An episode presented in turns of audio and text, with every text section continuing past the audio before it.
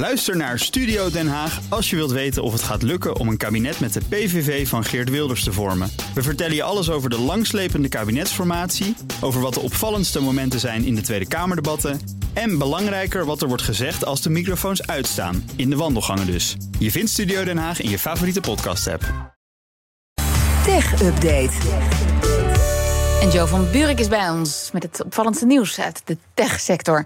Hi Lisbeth en Hey. Joe, Hi. de race om chips raakt vandaag in een stroomversnelling... want straks komt een van die grote spelers met nieuws. Ja, van Advanced Micro Devices, oftewel AMD, zoals we ze beter kennen. Een van de partijen die heel jaloers kijkt naar Nvidia de afgelopen tijd. In elk geval qua beurswaarde. Ja, want niet, ja. Precies, bij uitstek Nvidia heeft enorm gecapitaliseerd op de AI-hype. Met de chips en ondersteuning die ze bieden om taalmodellen en AI-toepassingen te draaien. AMD wil heel graag ook eh, lekker meedoen. En dus gaan ze naar verluid zo meteen een superchip onthullen. Die zit al een tijdje in de geruchtenmolen. Zou MI300 gaan heten. Een geavanceerde grafische processor. Vergelijkbaar Oh ja. met wat Nvidia aan te bieden heeft. Topvrouw Lisa Su gaat daartoe straks een presentatie in San Francisco houden.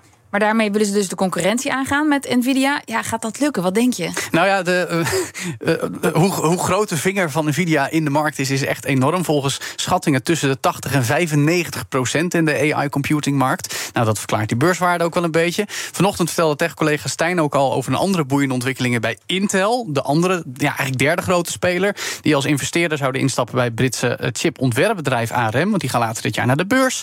Datzelfde Intel heeft een beetje de boot gemist qua geavanceerde chips. Maar ze zijn er wel mee bezig. Er zijn ook nog wat start-ups zoals Cerebras en Samba Nova. Voor mij ook nieuwe namen. Maar misschien wel de grootste uitdaging. Even, eh, ja, de nieuwe spelers eh, als het gaat om zelf AI-geschikte chips maken, Lisbeth. Zijn beda- bedrijven die we al kennen.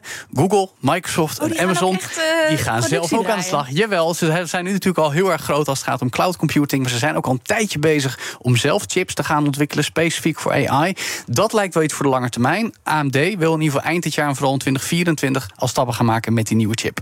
En dan iets heel anders. Spotify heeft een flinke privacy-boete gekregen. En ja, 5 miljoen euro voor het schenden van privacy van ons gebruikers in de EU. Oh, wat is er uitgedeeld. misgegaan? Ja, nou ja, ze hebben eigenlijk vooral niet goed aangegeven wat ze nou eigenlijk met onze data doen.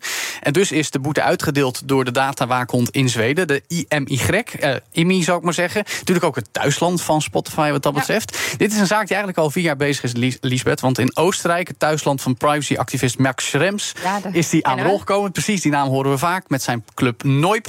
Eh, die partij vroeg in 2019 al Spotify om tekst en uitleg als het gaat om hoe persoonlijke data van gebruikers verwerkt wordt. kwam geen goed antwoord terug en dus werd de zaak geëscaleerd. Ook in Nederland is het trouwens eh, gebeurd en bij elkaar is dat eigenlijk getransfereerd naar Zweden. De Zweedse datawaakhond, die IMI, was een beetje laks en dus startte Max Schrems op zijn beurt weer een zaak tegen de Zweedse datawaakhond om er een beetje schot in te krijgen.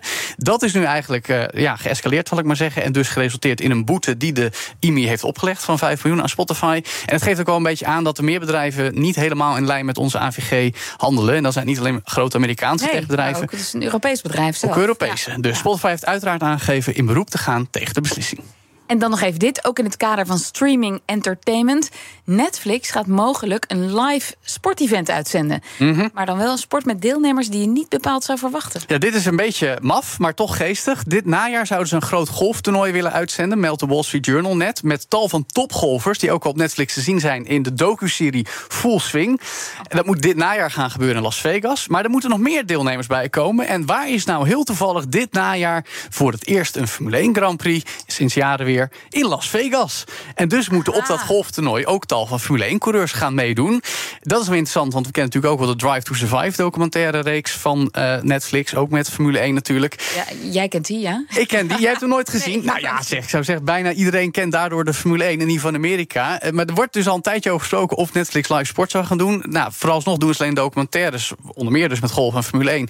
Nu zouden ze dus ook echt een speciaal event live. als live. Ja. precies. Een interessante testcase. Ze hebben wel wat live content gedaan met entertainment, onder meer een comedy show met Chris Rock.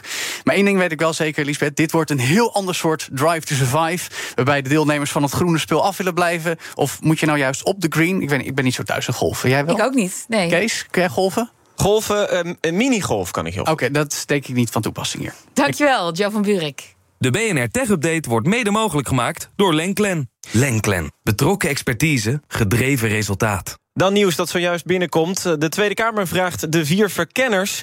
en voormalig Kamervoorzitter Ariep om opheldering... over de gesprekken die gevoerd zijn over Pieter Omtzigt. Dat is het enige wat wij nu weten. Op het moment dat we meer weten, dan hoor je dat uiteraard op BNR.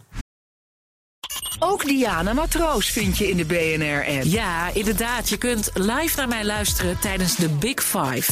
Ook handig in de BNR-app. Breaking nieuwsmeldingen, maar ook het allerlaatste zakelijke nieuws.